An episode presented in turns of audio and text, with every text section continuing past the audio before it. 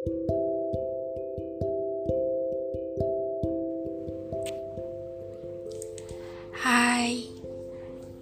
hari ini mau cerita-cerita lagi yuk. Um, aku sempat baca tulisan 100 hari menuju 2022. Rasa agak surprise gak sih? Karena berasa waktu jalannya cepet banget. Jadi flashback lagi apa yang udah aku lakuin dan berhasil aku lewatin selama 9 bulan ini. Ada banyak hal yang udah terjadi, mulai dari jungkir balik sampai koprol. Semua pergolakan, perselisihan, permenungan, pelarian, dan berbagai perasaan yang ikut hadir juga. Sekarang mau sedikit garis bawain aja. Udah belajar apa aja sih selama 9 bulan dari 2021 ini? Pertama, aku menyadari bahwa we are limitless. Aku adalah orang yang nyaman dengan keadaan stagnan. Tidak suka terlalu banyak melakukan perubahan dan kadang perasaan ya udah cukup buat aku jadi enggan buat coba sesuatu yang baru atau menggali kemampuan baru. Gak bisa alasan klise hampir semua manusia sepertinya. Tapi di tahun ini aku belajar bahwa sering kali yang membatasi manusia bukanlah ketidakmampuannya, tapi ada pada pikirannya. Pikiran gak bisa, pikiran gak mampu, pikiran gak usah mencoba.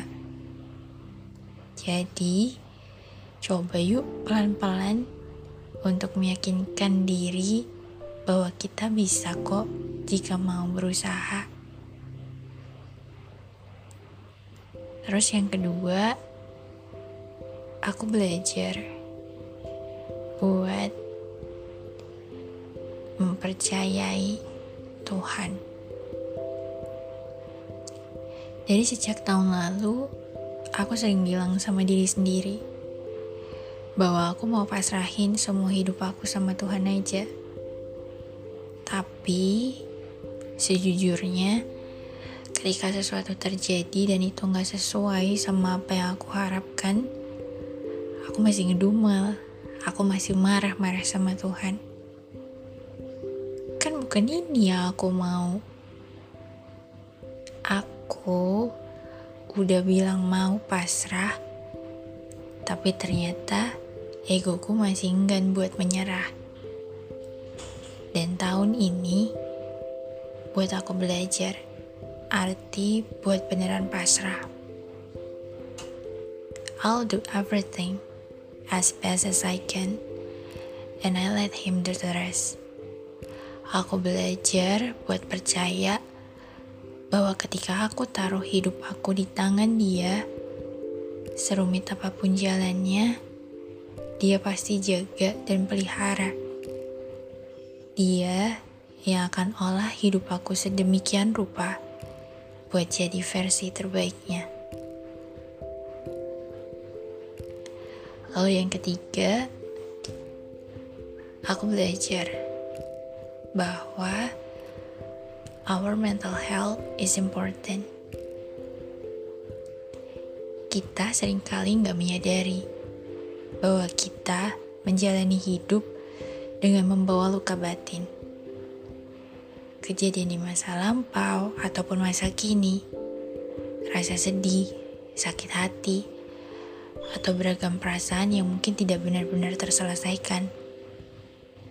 Di tahun ini aku belajar untuk menilik ke dalam diriku sendiri, belajar untuk bercermin lagi apa yang perlu untuk diselesaikan, apa yang dirasa harus dipenahi.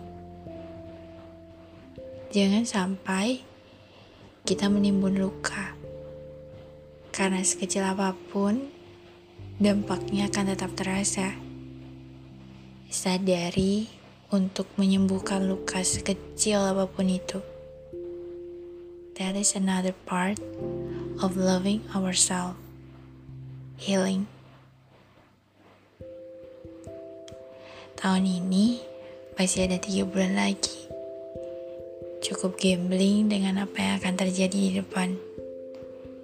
Dengan segala kelak-keloknya, yakin ya kita bisa menutup tahun ini dengan sukacita.